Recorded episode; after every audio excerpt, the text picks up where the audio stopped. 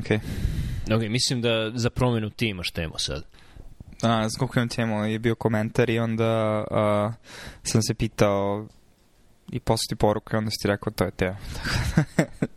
A, ali zanimljivo je bilo što sam pre neko veče totalno, totalno spontano um, ono, nema šta pametnije da radiš nego čitaš Wikipediju u 9 uveče, ali um, nekako sam uleteo u, u loop gde sam na kraju došao do ono, trke za svemir i Sputnik i lansiranja Sputnika koje je bilo, ne znam, 4. oktobar 1957 ili tako nešto i onda ima čitav članak koji se zove Sputnik kriza ili Sputnička kriza koji pisuje period i atmosferu prevashodno u Sjedinjenim državama nakon lansiranja Sputnika u velikoj meri potpomognuta a, člancima iz mnogih tadašnjih medija, uključujući New York Times. Recimo, zanimljiv mi je bio podatak da je New York Times objavljivo 11 članaka dnevno koji su se na ovaj ili onaj način ticali Sputnika i u periodu od samo, ne znam, meseci i po dana bilo je ono 270 nešto članaka um, ili nešto u tom obimu.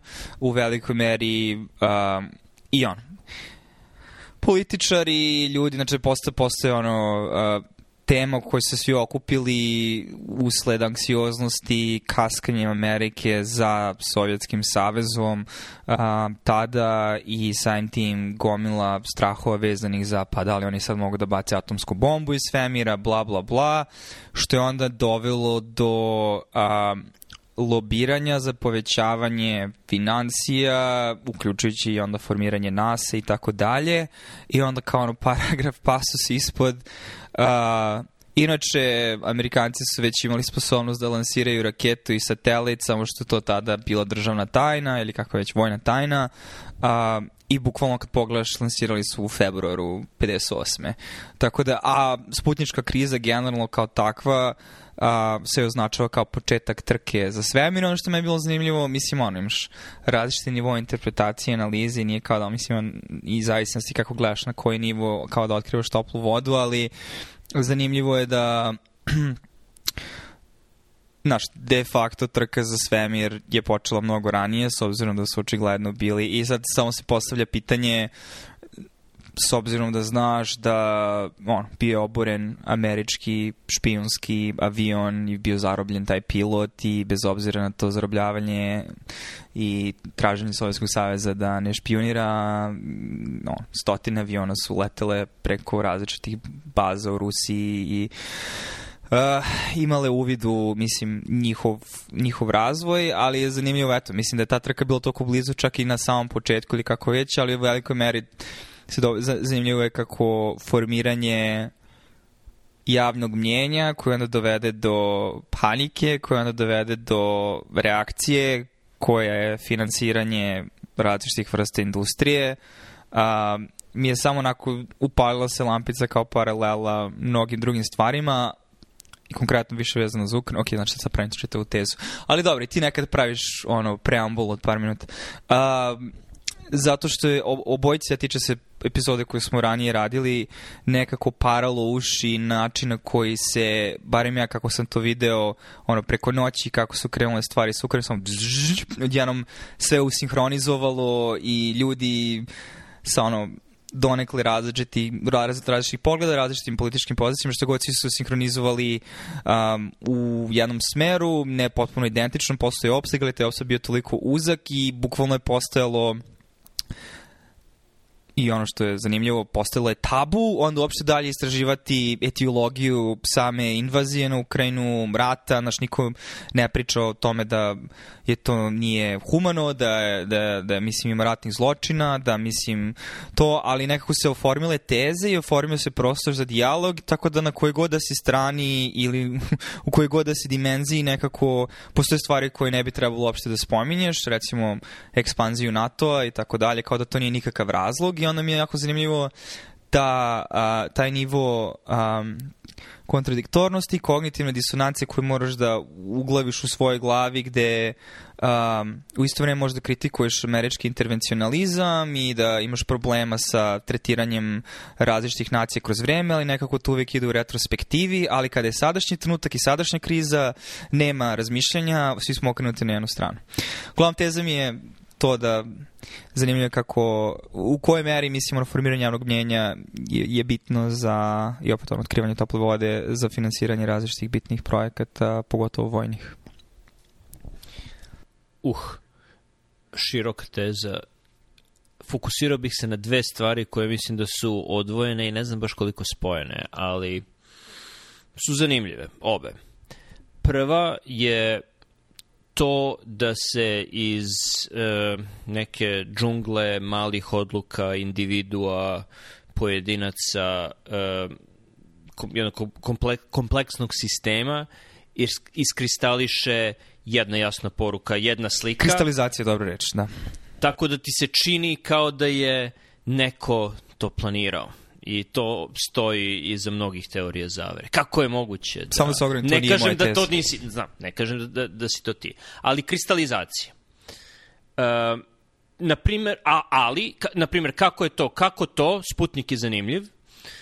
Znači, oni su imali tu mogućnost da lansiraju satelit pre Rusa i baš je zgodno bilo da Rusi ne čak ni punu godinu, nego koliko, 4-5 meseci pre Amerike lansiraju i kako je to bilo zgodno za američki budžet, a to je bilo malo nakon što je uvek treba da se, da se vrati čovjek na onaj oprošteni govor Dwight Eisenhowera gde priča o vojno-industrijskom kompleksu i mislim da to bilo prvi put da se ta sintagma javila.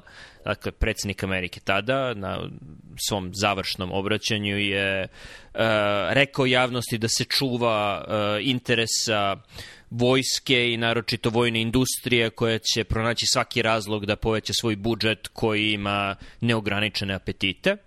I baš zanimljivo kako se to pogodilo da, da taj splet okolnosti godi baš tom vojno-industrijskom kompleksu i da li postoji neko ko je to planirao. Ono što, ono što ja mislim ne, ne nije ne neophodno, sve što je trebalo da se desi je da svi ljudi koji su uključeni u razvoj američkog svemirskog programa nemaju baš neki naročiti podsticaj da budu pre Rusa, očigledno, očigledni podsticaj, i čak da imaju blagi posticaj, naročito za ono vrho, za rukovodstvo, za vrh, da, da možda čak i malo kasne. I niko nije rekao da, trebalo bi da, da, da, da kasnije to uradimo od Rusa, ali kad ono odlučiš da li će nam rok za ovo biti nedelju dana ili dve nedelje ili mesec dana, da li treba da provedemo ceo vikend na ovome, da ne vidimo decu i da cele noći radimo proračune, a proračuni su se radili ručno i da li treba fabrike da rade uh, u tri smene. Jednostavno odluka je bila ne, jer ne, nemamo postica za to i neko ko je, ko je trebalo da daje te posticaje mogo je da pomisli, pa dobro, možda ne bi bilo ni loše da Rusi budu u ovome pre nas, jer ćemo tada povećati svoj budžet. Dakle, to nije bila nikakva vrhovna odluka, ali se izgomile malih odluka s spletom odgovarajućih posticaja iskristalisalo, is, iskristalisala ta situacija. Uh, nešto slično možeš i sada da vidiš i mislim da, ono, rekao sam, mogu ljudi dosta doktorskih disertacija da pišu ako su sociolozi ili antropolozi, kako se neke stvari dese, kako to odjednom i Amerika i Italija, čak i generalno proruske zemlje kao što su Mađarska, Turska, odjednom se okrenu protiv Rusije, otkud to, to je sve skup malih odluka i malih posticaja koji te odjednom usmeri ka, ka jednom vektoru. Tako da, I ono, generalno, ono što se nekome čini da je teorija zavere je u stvari svojstvo kompleksnih sistema. To je jedna stvar. Osim ako ne postoje uska grla informacija gde osoba na poziciji odgovornosti ima neku informaciju i samo odluči da ne reaguje na nju. Mislim, za čega imamo primjere? Mislim, samo što konkretno za situaciju teško je reći, ali da postoji obrazac fabrikovanja krize i dizanja tenzije i panike kod ljudi koji onda rezultuje uh, velikim finansiranjem vojno-industrijskom kompleksa je pokazano kroz čitavu istoriju od drugog svjetskog rata pa do sada što se tiče Sjedinjenih država. Tako da, mislim, ne mora bude zaver u smislu kao sad ne znam, ono, sede ljudi, ali ono, mislim, gledao si zanimljiv film u tom smislu mi je naravno je ono pol komedije, ali uh, Vice uh, Adama McKeya gde priča o Dick Cheneyu i gde imaš one scene koje su se jesu de facto desile, neke za neke njih postoje dokazi da je znaš ono uh, podpredsednik Amerike sedi sa, sa rukovodiocima različitih naftnih kompanija gde razmenjuju informacije koje možda ne bi trebalo da razmenjuju pred onu invaziju na Irak. Ili u poslednjih godinu dana gde je malo pre nego što je trebalo da se ovaj zvanični Bidenov budžet odjednom je izašla vest kako da li Rusi, da li Kinezi imaju neko supersonično oružje koje preti bezbednosti Amerike i kako bi bilo dobro da se uloži novac da i Amerika razvije takvo supersonično oružje. Da, mislim, razlog šta me nagnalo uopšte da ono, ovo doživim kao neki ono impuls zaključak, kao da nije nešto što nije već proživljeno ili, ili shvaćeno i da podelim sa tobom je što sam shvatio pa da možda smo i mi u ne, ne, na neki način upijeni, uh, jer ono, imaš iz, ograničen izvor informacije, ograničenu količinu vremena, uh, ograničen znači po, postoji ono diskrepanca, mislim postoji znači količina truda koja treba da se uloži da bi došao do neke informacije, da proveriš neku informaciju i ono ljudski je slušati o čemu ljudi pričaju oko tebe, o čemu pričaju pametni ljudi, o čemu pričaju pametni ljudi čiji mišljenje poštuješ, o čemu pričaju pametni ljudi koji su eksperti u određenom polju, o čemu pričaju određene publikacije koje pratiš, tako da, ali de facto sve su to filteri na neki svoj način koji imaju svoje interese, svoje slepe mrlje, onda se samo trudiš, mislim kao u jednoj epizodi ste rekao onda uskladiš da ti bajesi međusobno sebe potiru što više, ali u ovoj situaciji je zanimljivo kako barem što se tiče ono, spoljašnje politike, geopolitike, pogotovo u domenu ratovanja, kristalizacija, kao što si rekao, je gotovo sve prisutna, tako da teško da možeš da nađeš ono, mislim, bilo je priča ono oko Fox News i svega toga, ali oni su odmah bili ono, o, ono, ekskomunicirani kao ni, ni, ni, ni, ni za diskusiju, ali znaš, niko, niko uopšte ne zna, znači, i, ono, i mogu da razumem, naravno, mislim, ni, ni, zašto u interesu javnog menju Sjedinjenim državama da ono diskutuju tome zašto je sad rat u Ukrajini i koja je američka odgovornost kada ti treba, mislim, da ono pomogneš svemu tome, ali da se od toga napravi pokret koji je Mislim, grebe me to što ljudi se toliko zakači za to kačenjem tih zastavica i ne znam, retvitovanjem stvari, znaš, svi su aktivisti i svi se osjećaju kao da su dobri ljudi da pomažu uh, iskren uzruka, de facto mislim ono, u pitanju rata, u pitanju nešto ružno i, i, i meni malo onako para uši, a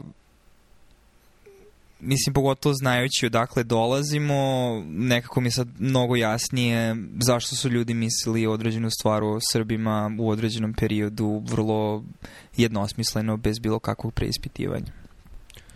Mislim da nas različite stvari grebu. Uh,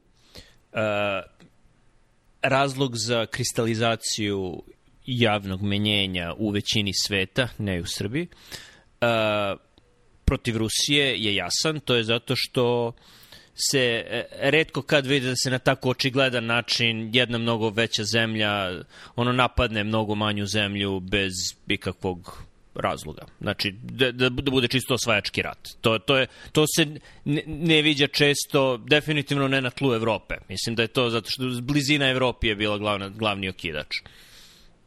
Imaš građanske ratove koji eskaliraju, imaš provincije koje se odvoje pa onda zemlje napadnu, ali osvajački ratovi ne znam, podsjetim, je li bilo nekog osvajačkog rata od ono bliskog istoka i tih stvari 80. godina i Irak kad je napao Kuwait, to je bio osvajački rat. Šta, šta je još bio osvajački rat? Ne sećam se. Misliš na globalnom nivou? Na globalnom nivou, da. A to ti sa problem, znači neuhvatljivo se definiciji šta je ono imperializam, šta je kolonijalizam, mislim šta, šta to znači? Mislim ti pošlješ trupe iz jednog kraja u drugi, da li je to ili nije? Znaš, da li je Ali Kosovo je bio... bilo osvajački rat? Kosovo nije bilo osvajački rat. Ali si rat. na kraju osvojio teritoriju, imao svoje trupe mm, na toj teritoriji, kontrolisao granicu. Hoću ti kažem da da, uglavnom je nejasno, jer ljudi ne znaju dovoljno o istoriji Afrike, Jugoistočne Azije, Južne Amerike, da znaju da li je neki rat koji se negde dešava osvajački ili ne, ali ovde je bilo prilično jasno svima da je u pitanju osvajački rat. I generalno i od drugog svetskog rata osvajački ratovi su nešto na što se gleda mrko. Zato je kristalizacija javnog mnjenja bila takva kakva jeste i tu nemam dilema. Čak se ne bih složio ni da je toliko jednosmerno javno mnjenje, jer čak i ovde imaš dežurne budale koje se zalažu za no-fly zone iznad Ukrajine, bez obzira na to što bi to značilo direktan rat između Rusije i NATO-a. Imaš one koji na to gledaju kao, uh, ok, možemo otvoreno ili prikriveno da podržavamo Ukrajinu uh, financijski ili oružjem, a ima i onih koji kažu ne, čekajte, nemojte da šaljete još oružja, jer slanjem oružje u rat samo činite veću štetu civilima i toj zemlji, tako se samo produžava rat. Tako da imaš ceo spektru mišljenja ovde. Da, hoću kažem, ne, nisam, ne, ne znam, možda, možda sam, dugačka je bila preambula, tako da e, ne, ne krivim tako, ali rekao sam da, rekao sam da u suštini nije jedno, jedno značno jednosmisleno koliko je samo sužen spektar svega toga, a postojanje po znacima da budala na ekstremima, i mislim da se to napisuje poruci, za, za mene, znači, iako možda neki od tih ljudi zaista iskreno veruju da te stvari imaju smisla, verujem da neki ljudi zaista veruju, a, ne znam koliko ljudi sa ekspertizom i poznavanjem kako ono funkcionišu, mislim, međunarodni konflikti bi mogli s određenim stepenom sigurnosti, osim ako nisu potpunosti imaju neku, neki, neku, neku pristrasnost ili neku slepu mrlju koja bi htjela da misle da je to dobra ideja, Uh, ali ti ljudi su ono, poznaci ono da korisni idioti jer pomeraju Overtonov a, prozor ili opseg, zato što je to sada najekstremnija varijanta i onda je umerena varijanta hajde da šaljemo desetine milijardi podrške u naoružanju, logistici, a, razmini informacija i tako dalje i tako dalje, a onda, mislim, i ne biti, mislim, to je problem samo zato što ako hoćeš da se trudiš da budeš što objektivniji, bez ono previše pristrasnosti, ovde, znači ono što osjećam, Jer, e, e, defa, mislim, ono, bez, bez potrebe da sad ne znam da uopšte treba da se izjastim, naravno da, mislim, to što se dešava je, uh, mislim, antihumano i mislim ja, ja sam protiv bilo kakve vrste ratovanja naravno da mislim ovo me jako podsjeća na Ti jesi, ja nisam. I mislim da okay. ima razloga da se vode ratovi. Okay, nisam ne potpuni znam, ako što sam stariji, ali što sam protiv star... osvajačkih ratova. Ok, da. Mislim, ali što sam stariji, to nekako, mislim da se bare meni ono, sve više kristališe to da mislim ono ne, ne ubijati ljude ne znam nekako mislim teško je zato što smo toliko baždareni ovo se dolazi u tangentu mislim e, biološki na nasilje i imamo moćne tehnologije i alatke kojima se služimo i koje možemo na daljinu bez mnogo visceralnih posledica po nas same, da činimo veliku destrukciju drugim ljudima.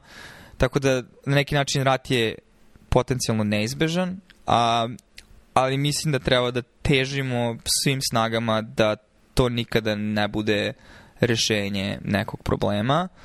Um, dobro, može, ali pusti samo da završim onda ovaj, misao, hoću kažem, de facto to loše, ali uopšte, uh, kažem, bilo kakva diskusija na temu zašto je do ovoga došlo. Znaš koliko kad je bio COVID, on, niko, znači zašto, ne, ne pričamo zašto je do ovoga došlo, nećemo da različimo kako potencijalno da rešimo kako da sprečimo, zato što razumemo protivnika, nego hajde da protivnika svedemo u jed, ono, jedno dvodimenzionalni ono, cardboard cutout, napravimo zlikovca i ne razumemo, mislim, njihove geopolitičke, geostrateške ciljeve, a, što kapiram da u Pentagonu ljudi te kako razumeju, kapiram da naš, ono, na pozicijama da ljudi će pregovarati kako razumeju, ali za javno mnjenje i onda ono, po znacima navoda, eksperte koji su tu da distribuiraju svoje mišljenja kao nešto što ti treba da, ono, ubereš i da to sad bude značka koju ćeš da nosiš da bi se hvalio i dičio pred drugima kako si ne znam koliko ono informisan o, o stanju stvari. Mislim da je jako naivno opet uh, ne razmišljati kako je do sve, to, toga svega došlo. Mislim i ono, i da je to bilo neizbežno na neki način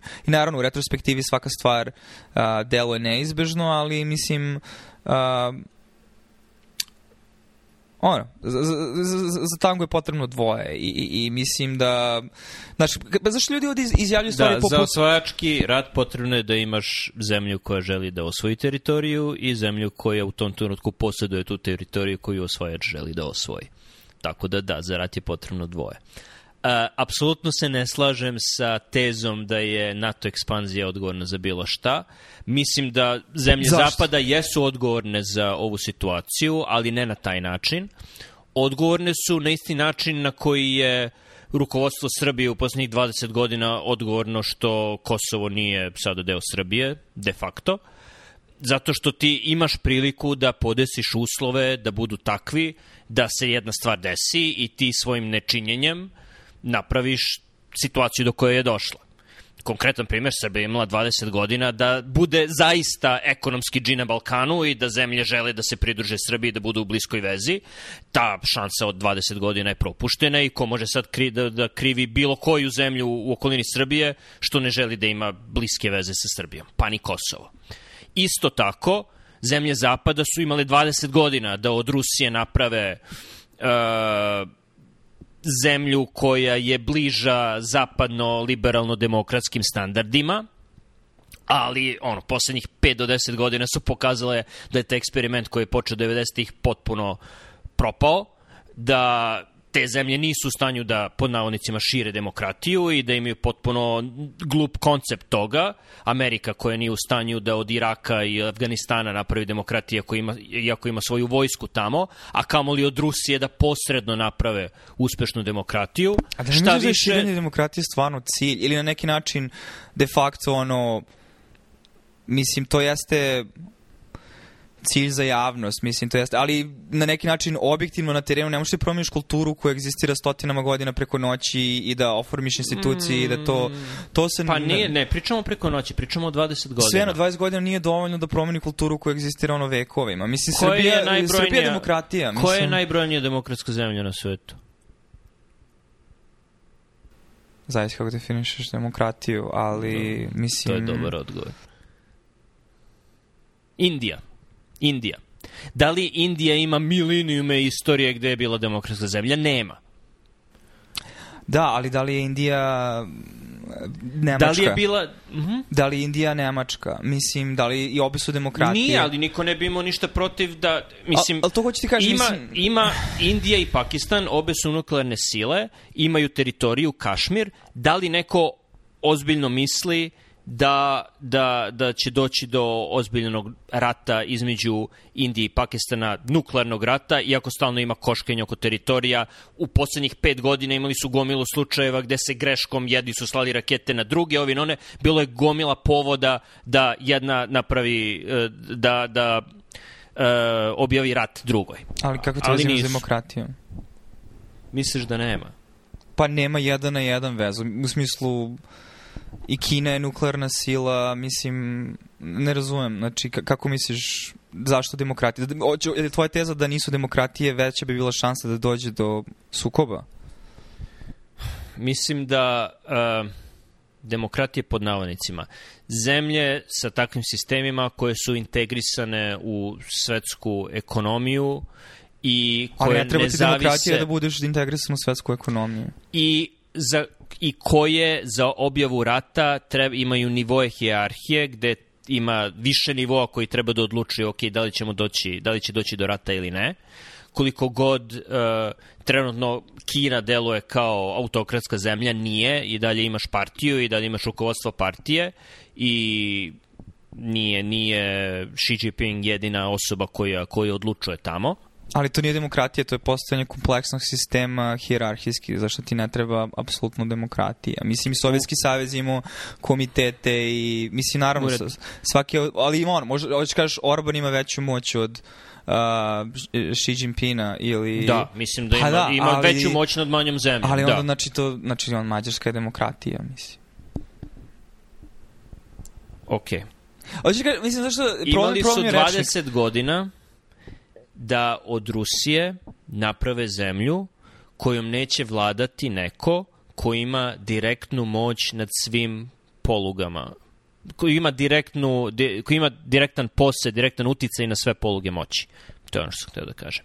Imali su i više od 20 godina sada da to urade, a nisu. A to znači, je pod uslovom da je tvoj cilj da od Rusije napraviš saveznika koji će biti tvoj partner u izgradnji novog sveta, ali ako od Rusije napraviš nešto što će biti primarni izvoznik sirovina i ne veliki kompetitor na globalnom tržištu, zašto bi tebi odgovaralo, neko taj krade šta hoće, ali mislim mi pravimo pare i mislim ono, dokle god to ne kipi previše, sad je prekipelo. Mislim, to je ono, mislim da pričam dosta kompleksnije da nisu stvari pa nije neophodno upravo vezane. Si, upravo si potvrdio to. Da, nije bio cilj to. Da, da. Cilj je bio da dobijamo jeftin ruski gas. Pa da. I cilj je bio da ruski oligarsi troše svoje pare koje su ispumpali iz Rusije A kakve to vezimo s NATO? apartmane i, i vikendice u Londonu, Parizu, Vašingtonu.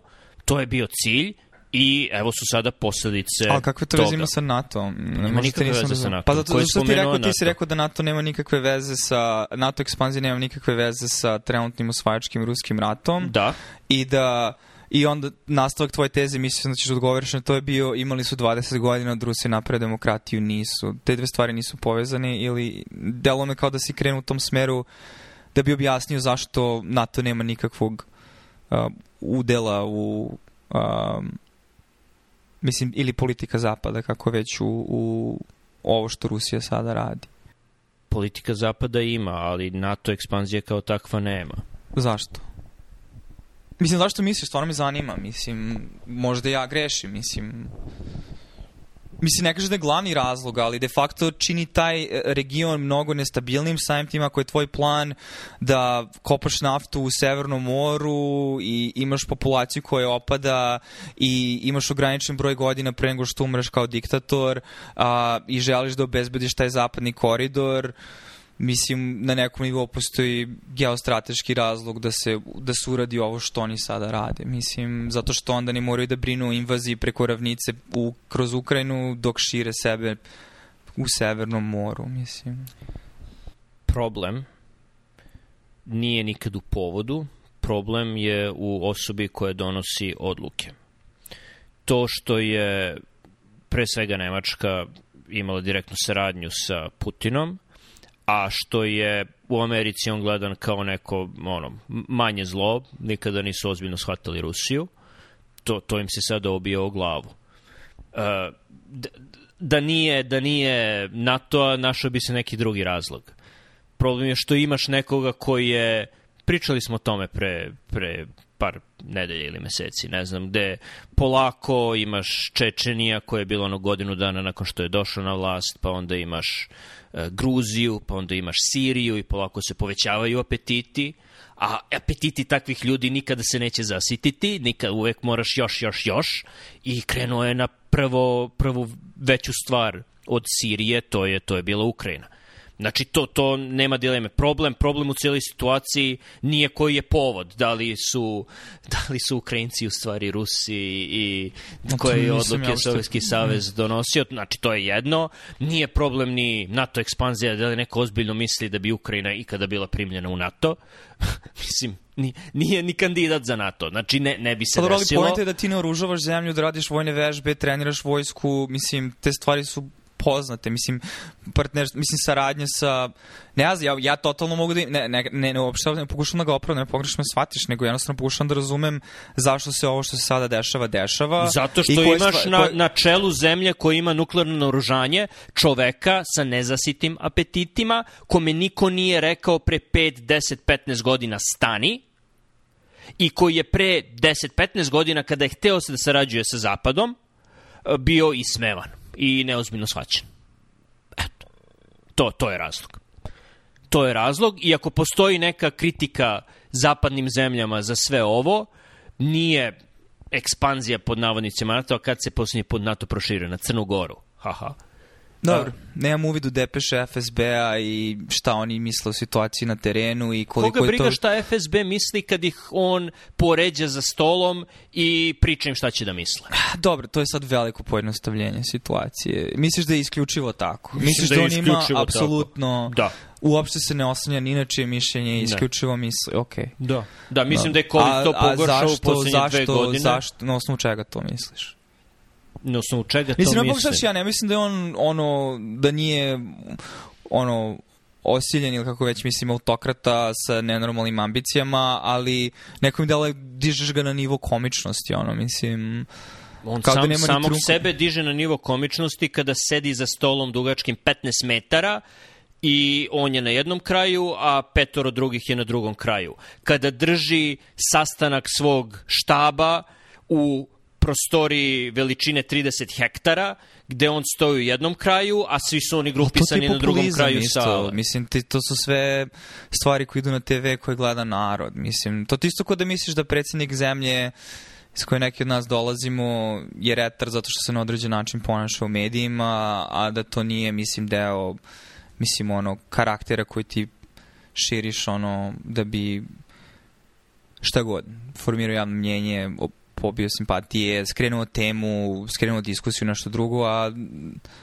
Mm, ne, mi, mi, apsu, apsu, ovde se apsolutno ne slažemo. Ne, ne, ne znam, ne znam... Uh, kad god čujem nešto geostrateški, to je, to je neodgovarajuće pojednostavljenje situacije. Uvek je dobro situaciju pojednostaviti na, na ono, elemente. Ali vidiš, ja mislim da svođenje stvari na emotivno stanje jedne osobe isto vreme neodgovarajuće pojednostavljenje situacije. I mislim da je istina negde Ali između... Nije, nije samo, ne, ne, ne, nije samo emotivno stanje. Nije samo emotivno stanje. Ali delo mi kao da se pokuša da kaže osoba... razlog ovom ratu, znači totalna nečija manija, mislim. Ne, ni, ni, I da ne postoji nikakav politički ili geostrateški cilj to je emotivno stanje plus prethodna istorija plus poluge moći koje ta osoba ima. Znači, ima nekoliko stvari, da je to samo neki, ne znam, zašto, zašto ovaj Duarte na Filipinima nije počeo nikakav rat, iako je, siguran sam, veći egomanija kod Putina. Zato što nije imao ostale komponente onoga što je potrebno. I ako postoji neka odgovornost, niko ne može da utiče na sklop ličnosti nekoga koji je na čelu neke zemlje, ali može da, da utiče na ostale komponente tog paketa osvajačkog rata. Tako da, da mislim da je to, nije ni to najbolje pojednostavljenje, ali mislim da je bolje od geostrateškog pojednostavljivanja, gde antropofom, antropofomormizmu, Antro... hvala, zemlje, i gde je ne znam, Ukrajina je šta, pjun, građani Ukrajine nemaju pravo da misle ništa, nego moraju da stoje tu, da budu zaostali, da ne bi Rusima dali primer kako neka čekaj, slovenska ne... zemlja može da bude, koji u kraju može da bude uh, razvijena i može da ima... Okay, uh... Okay. i ne mora da ima autokratu na vlasti. Mislim, stavljaš Ukrajinu u neki pasivni položaj, koga briga šta Ukrajinci misle o svemu ne, tome. Ne, možda nisi, mislim je dobro da li je možda, da li je možda to što su oni tražili, da li, da li je možda isporuke oružja Ukrajini, da nisu možda posljedica ukrajinskog lobija i ukrajinskog lobiranja za to oružje koje su tražili jer su imali u komšiluku zemlju koja ima nuklearno naoružanje i koja ima autokratu na vlasti. Ali obe te stvari mogu da budu istine. Mislim, to je to problem sa ono proliferacijom oružja i ono, mislim, game theory toj situaciji gde Uh, bolje mi da, mislim, napravimo nešto iz straha da će neko drugi da, mislim, ono ima nešto što mi nemamo i onda dovedeš do situacije gde oboje se sve više više. Mislim, čitava nuklearna proliferacija je bila vođena tom idejom. Znači, ono, ne smemo da dozvolimo da oni imaju više od nas. Mislim, uh, možda, mislim, ne znam, možda se ne izražavam dobro i, i mislim, ja sam samo pokušao da kažem da aspekt svega toga, po mom mišljenju, ovde u javnosti, konkretno ovde, ni uopšte u diskusiji i mislim da je greška samo u tome zato što na neki način previše podnostavlja situaciju. Mislim, evo, reću izjavu, da li misliš da koncept realpolitik uh, ne postoji ni, i, da, i da spoljna politika različitih država ne, mislim, ja, ja se slažem s tom da zemlje nisu pijuni i da, i da ne možeš da svedeš stvari, ali ljudi kada se bave spoljnom politikom de facto posmatraju zemlje kao igrače, mislim, na tabli i kad ljudi donose odluke kako će da se postup, kako će postupe, uvek moraš da svedeš to na, de, mislim, ne, neizbežno da svedeš to na neko pojednostavljenje da bi mogo da doneseš odluku. Mislim, da li misliš da je Kissinger razmišljao o, o Kambođanima u Kambođi, mislim, ili je to Naravno video da kao nije. neki cilj koji on opravdao na neki svoj način način koji ima one... Mislim, hoću da kažem, Ali to možda, vreme... možda se slažemo na ovom nivou. Možda ćeš ti složiti time da je geostrateška ideja racionalizacija njegovog egomanijakalnog uma, da. ali to ne čini racionalizaciju manje realnom. Um,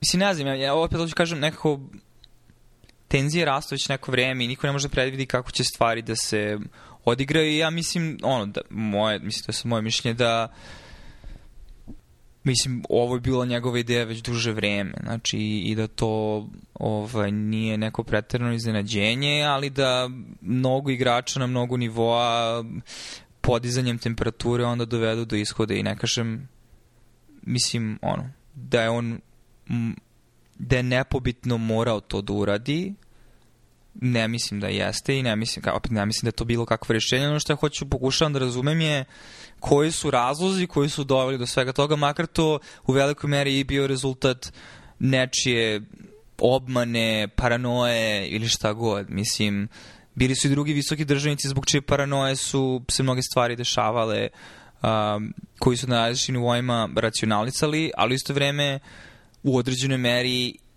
ti potezi nisu bili potpuno iracionalni Ne, ne, imali su neku utemeljenje u stvarnosti, a možda se tu ne slažemo.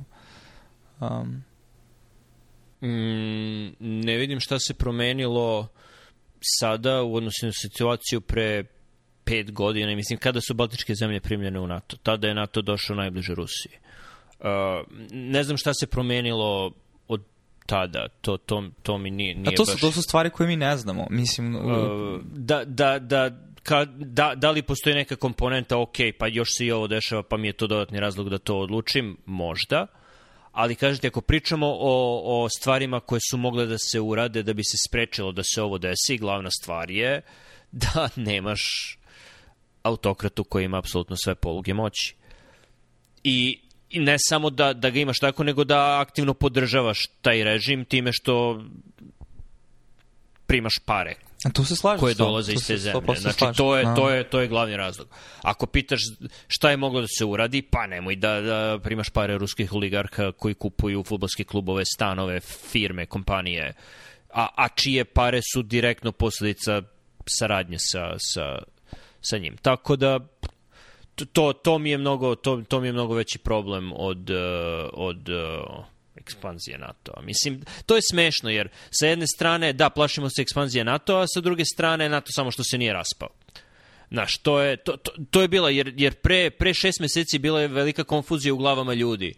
Čak i pre dva, tri meseca, ono, u decembru, januaru, jer NATO je bio na, na, na aparatima pod navodnicima, jer nikoga nije ozbiljno shvatao, uh, bio je veliki nesklad između zemalja članica, niko nije hteo da daje pare da, da finansira budžet NATO-a I šta ono, se sada dešava? Zapadni, zap, zapadne zemlje su bile pred, pred raspadom. I sada ljudi pričaju o Finske u NATO. Sada je NATO, NATO nikad jače, ali to je direktna posledica ali to je direktna posledica invazije na, na Ukrajinu. Znam, mislim. ali u vreme koliko je to bilo realna situacija na terenu, a koliko je opet bila to jeste bila realna situacija. Došao si, došao si... Ali niko nije napao bio... zemlju NATO. To, znači, ne možeš da testiraš, ne možeš da testiraš snagu saveza dok ne istestiraš, mislim, teze ugovora. Znači, ugovor je da, mislim, ako tebe napadne, ostale zemlje, neko od ostale članice će tebe braniti, mislim.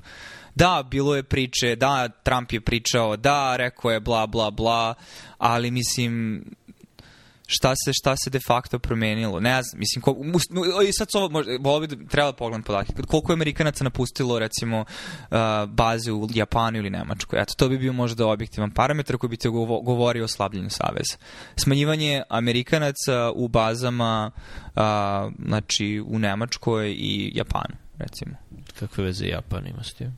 Pa mislim u smislu savezništva. Ono. Znači u smislu ne želim, Amerika se okreće više sebi, ne zanimaju savezi. Ok, Japan je dobar primjer konkretno za NATO, ali Nemci su dobar primjer. Znači, a, da, li, da li se smanjuje broj rezervista? Mislim, mislim da se drastično smanjuje broj rezervista u Afganistanu, da. Pa dobro, ali Afganistan je zemlja NATO-a i drugo, mislim, to je znači, druga stvar totalno. Ali dobro, da, okej, okay. mislim, opet mlatimo praznu slamu, niti ni ja, niti imamo uvide u bilo kakve, tako da šta ti ja radimo sada je bukvalno tražimo različite načine kako da prežvaćemo ono što je nama dostupno kroz kanale medija. Mislim. Ne, ali mislim da su ove stvari bitne. Mislim da je ova situacija dobar barometar toga da vidiš kako drugi ljudi razmišljaju, i drugi ljudi koje, koje znaš i stvari kojima se sa njima slažeš i naslažeš u drugim stvarima i dobro je za kalibraciju sobstvenog razmišljanja i za kalibraciju toga kako shvataš ono što oni pričaju o drugim domenima. Uh, na primjer, kad čujem nekoga da priča o cijeloj situaciji u čisto, isključivo geostrateškom pogledu, mišljenje moje o toj osobi opada. E, jer mislim da da nije da ono Kissinger je gledao karte Dobro, nas, i pomerao trupe teza, po znači, mapi moja, znači, znam. i ono što me samo smara je što ti sada se ponašaš kao neki Amerikanac ovo s kojim ja pričao ne, ne, ali samo hoću se ogradim od samog starta što sad spominješ Kissingera? Znači što sam ga ja spomenuo? Pa želim da se pobrinem da ne misliš da je to bila moja teza. Moja teza je da se to ne spominje uopšte. jasno, znači, jasno, ne, jasno. Razumem, zato sam rekao isključivo pričaju o geostrateškom Ka- Jer to, mislim, to i, i Hitler radio i Hitler je gledao na mapama i pomerao trupe po mapama Okay, i to je... i to je de facto isto analiza, mislim, kada želiš da razmišljaš zašto se ponašali u ratu, kako se ponašali i zašto su radili... Za, mislim, Blitzkrieg je očigledna strategija, nije ono iracionalna, iracionalni um koji je rodio ideju hajde da što pre Francuska padne da bismo mogli da idemo na istok. Mislim, to su, znači, mislim, hoću kažem, nekako, mislim, meni su te stvari ne. Mislim, treba da razumeš osobu, njihovo stanje uma, ali isto vreme postalo je mnogo ljudi u tom kontingentu koji su na različite načine imali različite nivoje sposobnosti i na različite načine pokušavali da iskomuniciraju svoje ideje i na kraju do je došlo do glavnog vođe i sad, znači šta je on odlučio, ali ne mislim da je ono Po, hoću kažem, greška koju mislim se ja plašim da se pravi je nepokušavanjem da razumeš više aspekata situacije, um, ulaziš u praviš grešku onu donekle nerazumevanju samim tim on, ponavljanju istih grešaka, mislim. Jasno. Uh, I mislim da si sa te strane u pravu, da li postoji neka osoba u hijarhiji ispod u vojci, da li je vojska bila komplijantnija i da li niko nije rekao ne u ruskoj vojsci, zato što su oni misli da ekspanzija NATO je velika pretnja i zbog toga da, to je moguće i sa te strane da, to može da bude komponenta. Ali opet, kada pričamo o najbitnijoj stvari, Jedna, najbitnija... okej, da, ti s time se slažem, ne, nemoj pogrešno shvatiš, s tim slažem. Jedna osoba drži sve poluge, mislim, da. To je, to, je, to je ono što treba da se, da se izbegne, generalno, svuda. To je jako loša ideja. Jako loša ideja ne samo za svet, nego i za Rusiju. Jer, kao što neko pametno primetio, ako hoćeš da dekapitiraš Ameriku, znači treba da ubiješ jednu osobu da bi Amerika prestala da funkcioniše, koga ćeš da ubiješ? Ta, ta, ta, ta jedna osoba ne postoji. Ako hoćeš da dekapitiraš Uh, može sad da ideš na nivoe. Francusku, malo je jasnije, ali naći će se neko. Ako hoćeš Kinu, opet, da. Ši, ali ima dosta drugih ljudi tamo koji, koji mogu da upravljaju zemljom. Ali Rusija je potpuno izložena dekapitaciji. Jer, jer je taj sistem stvarno 20 godina uh, jako fragilan. Tako da, da je Rusija dosta fragilna zemlja sada. Da. Crnogora očigledno nije.